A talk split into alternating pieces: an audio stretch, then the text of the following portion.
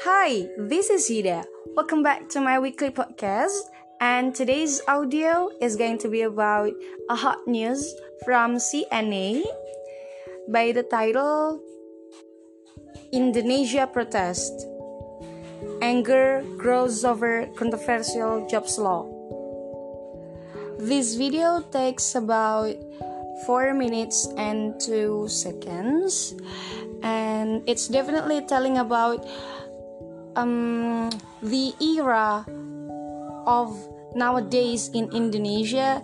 It's because of the new omnibus law that is revolved by Indonesia legislative government. There are lots of people who has a contra and pro of course and it is coming from the students of the university then the employee of the factory. And lots of people have a contrast with this revolved of omnibus law.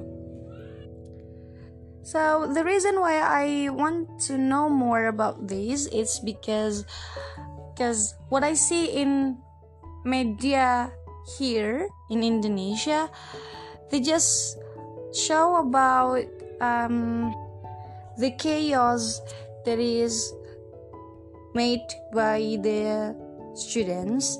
In fact in fact it's not what it is.